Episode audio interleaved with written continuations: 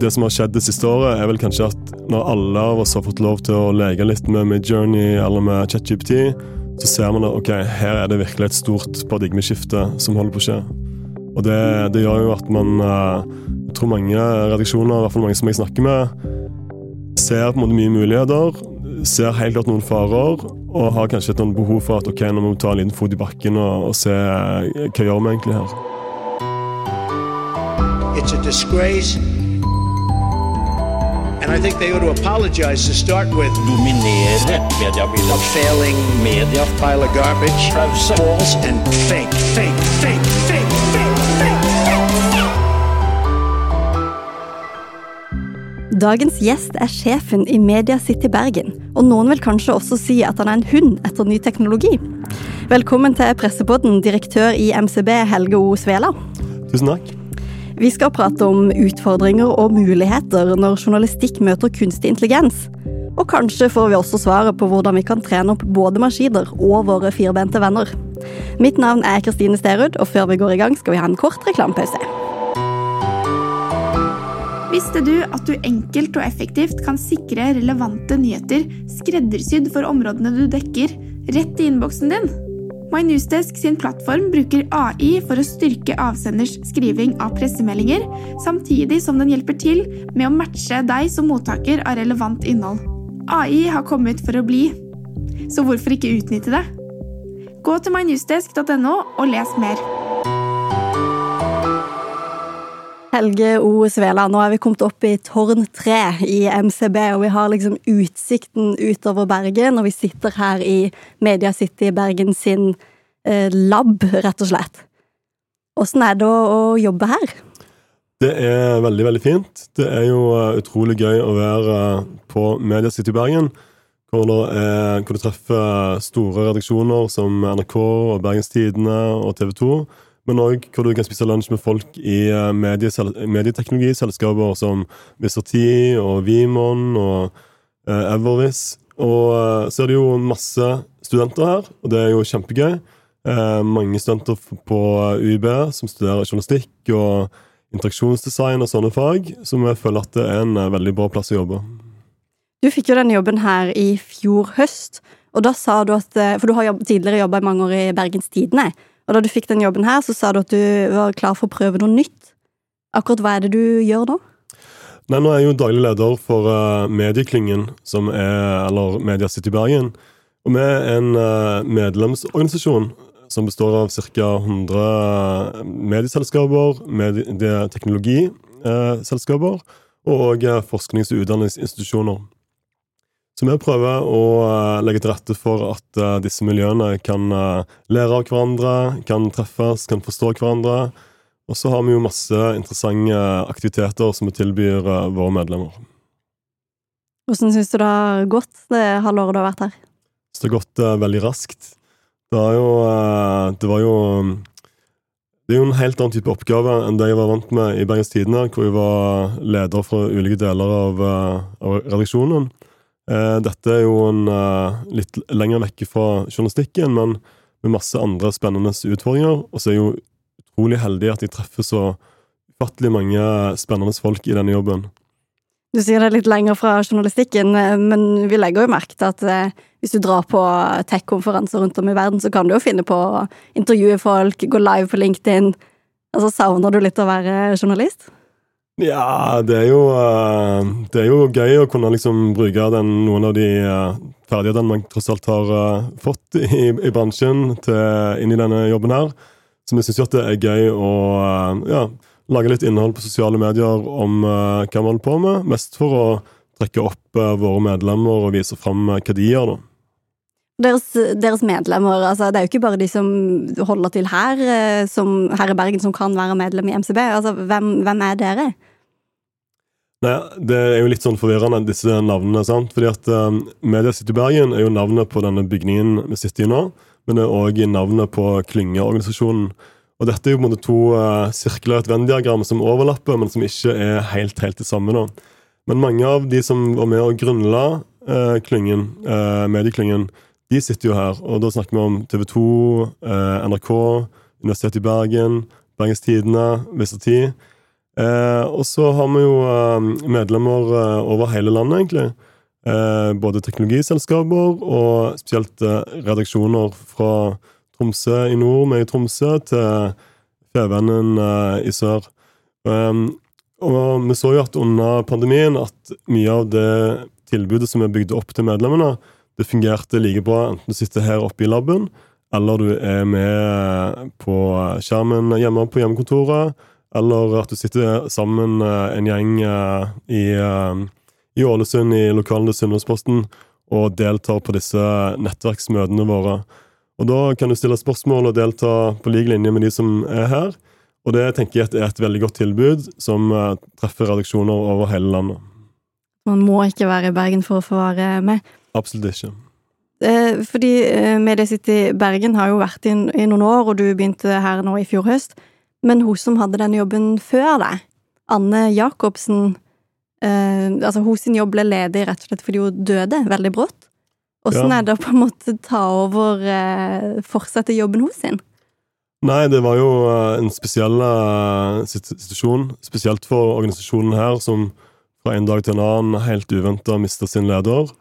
Eh, og jeg vil jo berømme hvor utrolig uh, flinke de var til å håndtere det og drive videre.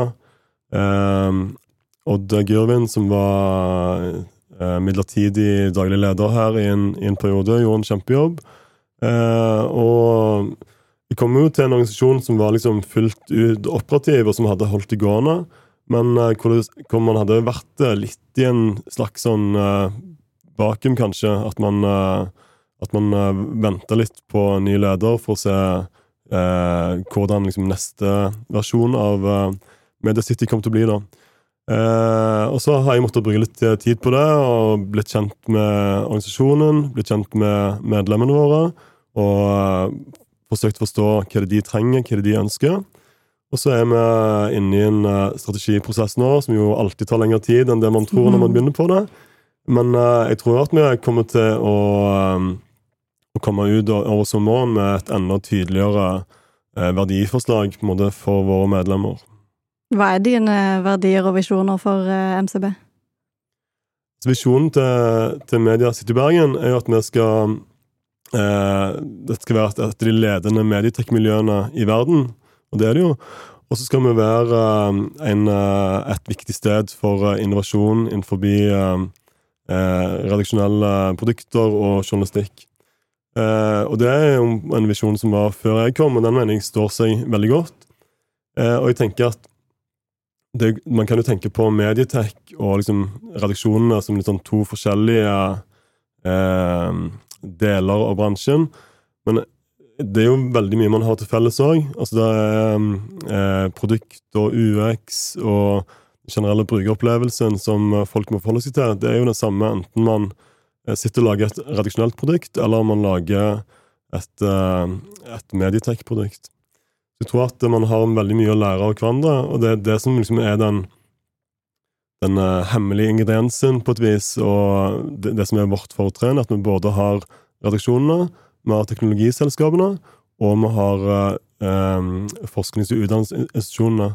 Og når de tre eh, aktørene møtes, enten det er liksom i formaliserte samarbeid, eller det er i etterkant av et møte her, at noen står igjen og prater og sånn, så skjer det ganske interessante ting. Interessante ting. Jeg vet jo at et av de prosjektene som dere i MCB nå er blitt med i, er noe som heter Project Origin. Hva slags prosjekt er dette? Eh, Project Origin er et eh, utrolig viktig prosjekt, uh, syns jeg. Det er um, et initiativ som ble starta i eh, 2018-2019 av um, BBC, New York Times, Radio Canada, eh, CBC og eh, Microsoft. Og det er den eh, redaksjonelle eh, organiseringen rundt et større initiativ som handler om eh, Som kalles for eh, Coalition for eh, Content Provenance Artification. Og dette handler jo om eh, rett og slett eh, de bildene og de videoene vi ser. Hvor kommer de fra? Er, de, er dette ekte ting? Er det dette her eh, lagd av en generativ AI, eller er det manipulert et sted på veien? Så tanken med Project Origin, som jeg mener står seg veldig godt, eh, eh, spesielt etter at alle har fått tilgang til verktøy som Midjourney og Dali 2 etc. Det Ja, som er de kunstige intelligensene der du kan få han til å lage et bilde for deg. Ja, at, det, at det, det, dette problemet med manipulerte bilder, og manipulert innhold, det har bare blitt enda større. Altså Alle kan liksom lage noe som ser ut som noe som er ekte, men som ikke er det. Sånn at eh, Kongstanken i, Project Origin er at man, man kan ikke gjøre noe med støyen. Støyen er så stor nå, og den blir bare mer og mer.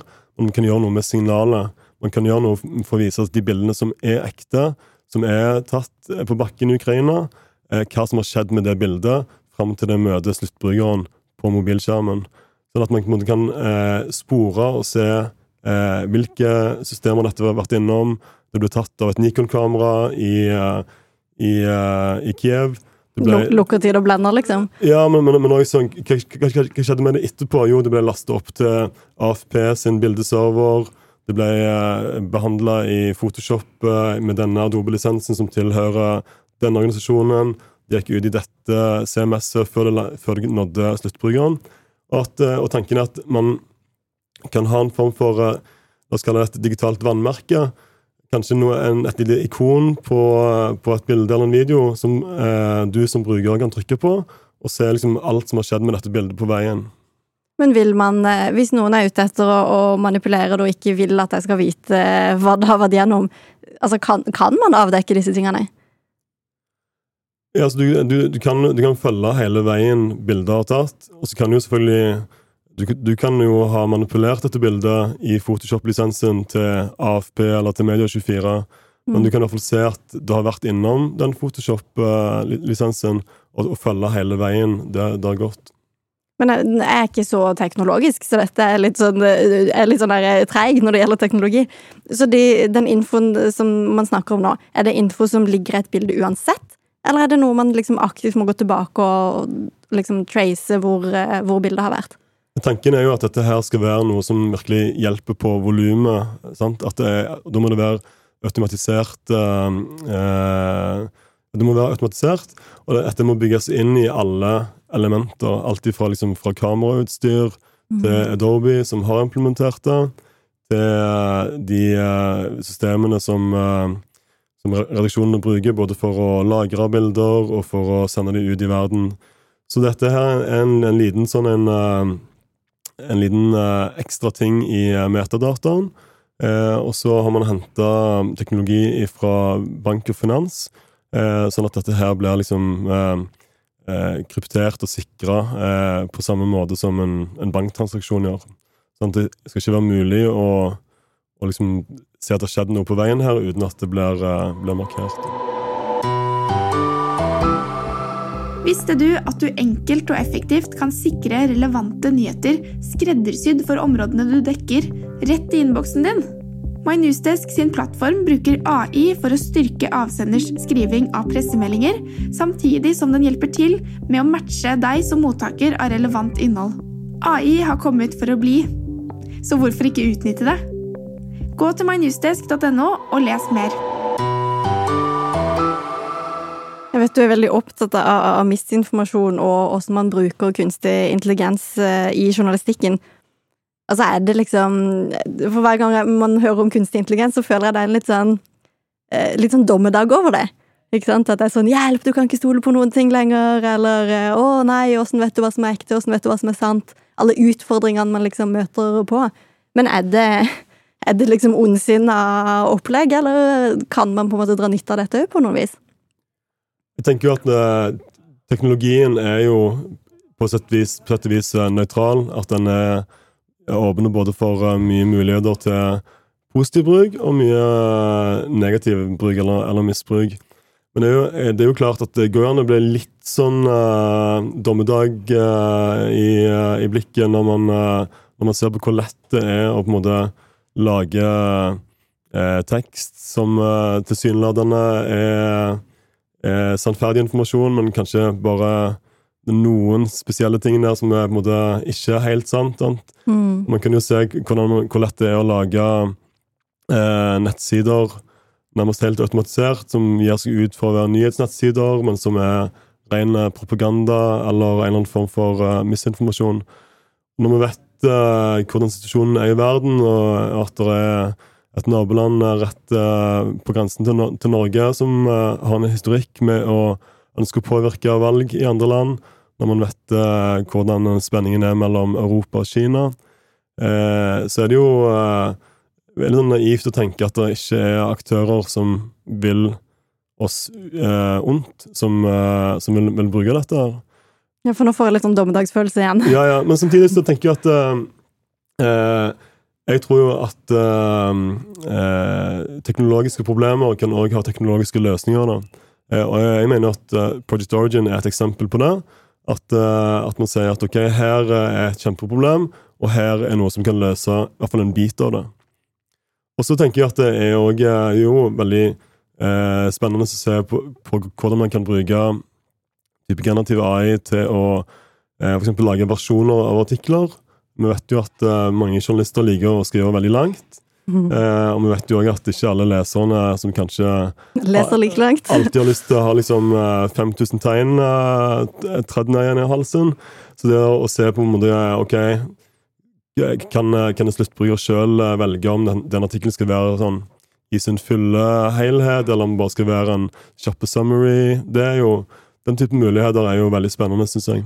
Mm. Det finnes jo allerede en del kunstig intelligens som brukes i norske redaksjoner. Altså typ det her sammenstilling av liksom fotballresultater. Jeg tror det er, det er vel Bergens Tidende som har dette med Som samler alle eh, kjøp og salg av boliger, for eksempel, til Mm, liksom mm. Absolutt. Det er, masse, masse spennende initiativer eh, knyttet til dette her. Og så tenker jeg at eh, det som har skjedd det siste året, er vel kanskje at når alle av oss har fått lov til å leke litt med Midjourney eller med ChatGPT, ser man at ok, her er det virkelig et stort paradigmeskifte som holder på å skje. Og det, det gjør jo at man eh, Jeg tror mange redaksjoner, i hvert fall mange som jeg snakker med, ser på en måte mye muligheter, ser helt klart noen farer, og har kanskje et behov for at ok, nå må vi ta en liten fot i bakken og, og se eh, hva gjør vi egentlig her. Hva ser du på som de største farene og de største mulighetene? Største faren er jo det vi har vært inne på i forhold til å, å misbruke dette her til rett slett lure folk, lage misinformasjon og desinformasjon. Eh, de største mulighetene er kanskje eh, håndtering av store datasett, om det kan være om man kan få hjelp til, til å gjøre enda bedre undersøkende journalistikk med hjelp av AI. Men òg lage denne type versjonering ut i produktene til sluttbrukerne, tenker jeg liksom noe som vi raskt kommer til å se effekter av. På et, eh, når vi spiller inn denne episoden her, så det foregår også nordiske mediedager eh, parallelt. Og da var jeg på et, eh, et foredrag i går som handla om cyberkrigen i, i norske medier, og hvordan man bruker det. Og da var det en liten spørreundersøkelse man hadde gjort, som handla om eh, om norske eh, journalister egentlig vet hva de kan bruke. Altså, Hvilke verktøy er det liksom eh, norske journalister bruker for å eksempel oppdage om en, eh, et bilde er falskt, eller eh, om en tekst er ekte eller ikke. Og så var det ikke så mange som egentlig bruker det. Og da ble jeg sittende og tenke litt sånn, ja, men verktøy, hva betyr liksom det? Altså, jeg har jo alltid brukt liksom Google, altså, jeg har jo internett.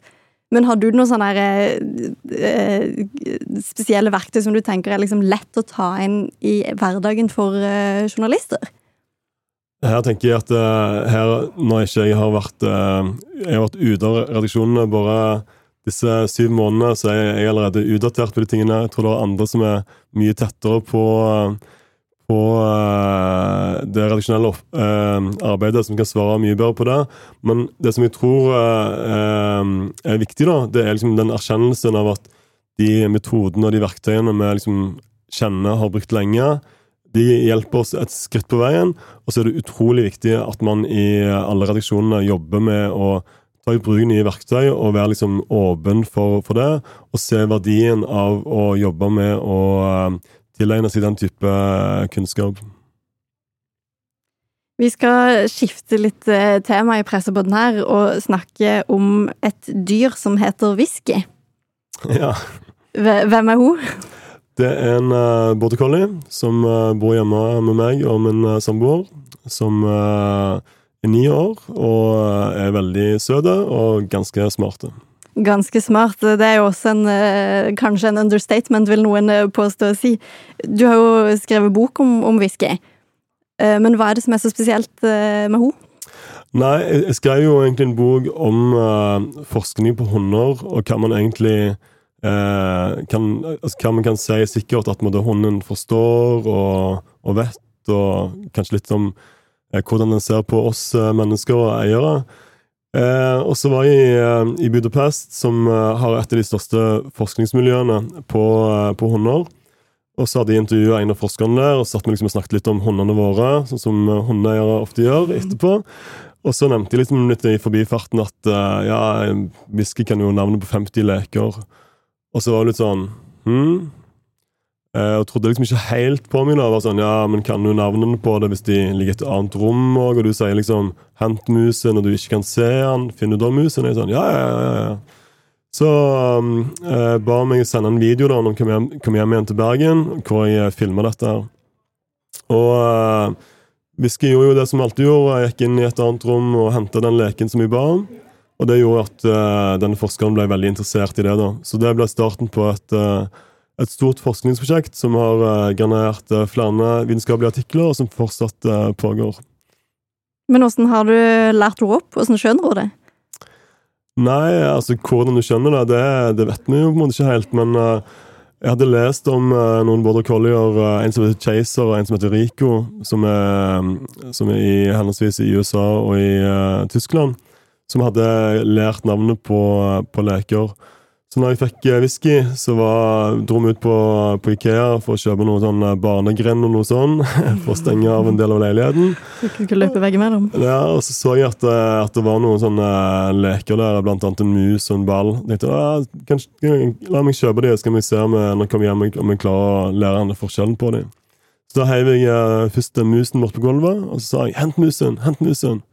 Og så så litt sånn rart på meg, og så sa jeg 'hent musen'. Og så gikk jeg bort og tok han opp med, med munnen. Eh, og da var vi egentlig i gang, og så ble dette på en måte måten vi, vi lekte på. Fordi at eh, både collier er jo litt sånn high maintenance eh, hunder og trenger på en måte eh, mental stimulering, og de trenger eh, en jobb. Og mange, det er ikke så mange sauer i, eh, i, eh, i Bergen sentrum, så da måtte jeg finne en annen jobb til henne. Og, det, og, det, og liksom, å rydde disse lekene da ble på en måte hennes jobb. Kosedyr fra Ikea ble liksom eh, de nye sauene. Ja, Men, men altså, dette med For jeg tenkte på eh, For når vi snakker om eh, kunstig intelligens og alle de her chat-GPT-ene som man liksom mater med inn for at, de, skal lære Det er jo egentlig litt det samme du har gjort med hunden din, da. Ja, og så er det jo sånn ehm, eh, har, eh, har kunstig intelligens, og så har det egentlig kan, jeg, kan jeg tenke på samme måte som meg og deg kan? Eh, de kan jo kanskje ikke det ennå, sant? Eh, men for, oss, for de av oss som er inne på Reddit og på den singularity-subredditen og leser, leser om det, om det, det øyeblikket Eller når inntreffer det øyeblikket hvor eh, disse AI-ene eh, blir eh, smartere enn oss, så er det jo uh, Går an å bli litt sånn dystopisk av, av, eh, av det òg, da. Men, men per i dag så er man jo ikke der. Per i dag så er det jo Det er på en måte en sånn statistisk sannsynlighet for at hvis jeg skriver det er, altså hva ord som kommer etterpå Det er jo egentlig kun sånn disse, disse verktøyene fungerer per i dag, da. Hvem vil du si er smartest av whisky og chat-GPT? Eh, jeg vet i hvert fall at det er mye koseligere å eh, eh, relatere seg til, til en hund og et levende vesen enn det er til en, en chatbot. Da. Vi skal begynne å runde litt av her i denne episoden av Pressepodden. Men hvis du ser tilbake på alt den teknologien vi snakker om eh, i dag, hvordan tror du vi vil se tilbake på det om fem år til? Hvor er vi da? Det er veldig vanskelig og veldig farlig å spå om, eh, om fremtiden, men eh, det er jo mange som har sammenlignet det med ChatGPT og Midjourney, de verktøyene som kom, som ble allemannseie i, i fjor høst. At det var sånn iPhone-moment, at det var virkelig sånn paradigmeskifte. Og det, det tror jeg jo at det, at det kan skje. Eh, hvis man ser liksom på hvor, eh, hvor utrolig raskt utviklingen i Midjourney har vært, eh, eller i Dali, på en måte kvaliteten på bilder, det går jo helt utrolig raskt. Eh, disse videoene som nå genereres, enten det er den eh, pizzareklamen eh, eller, eh, eller den ølreklamen som, eh, som har sett eh, på Twitter eh, Det virker jo helt eh, Det er jo helt sinnssykt at, eh, at, det, at, det, at det går an å lage det. Og så ser det litt sånn rart ut nå. Men eh, bildene så litt sånn rare ut på, på den første utgaven av Dali òg. Nå ser det kjempebra ut.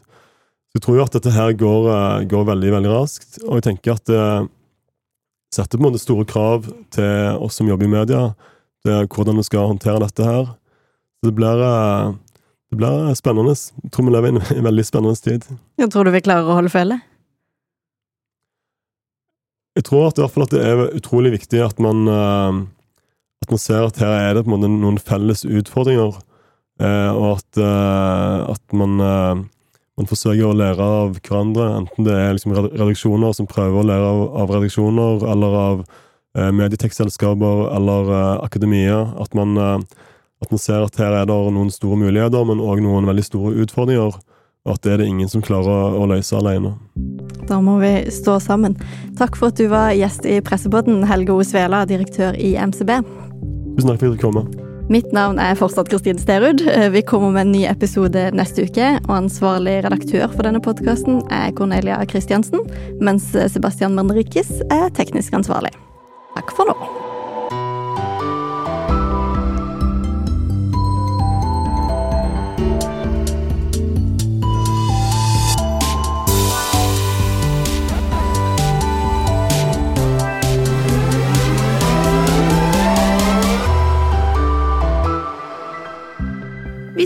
At du enkelt og effektivt kan sikre relevante nyheter skreddersydd for områdene du dekker, rett i innboksen din? MyNewsDesk sin plattform bruker AI for å styrke avsenders skriving av pressemeldinger, samtidig som den hjelper til med å matche deg som mottaker av relevant innhold. AI har kommet for å bli, så hvorfor ikke utnytte det? Gå til mynewsdesk.no og les mer.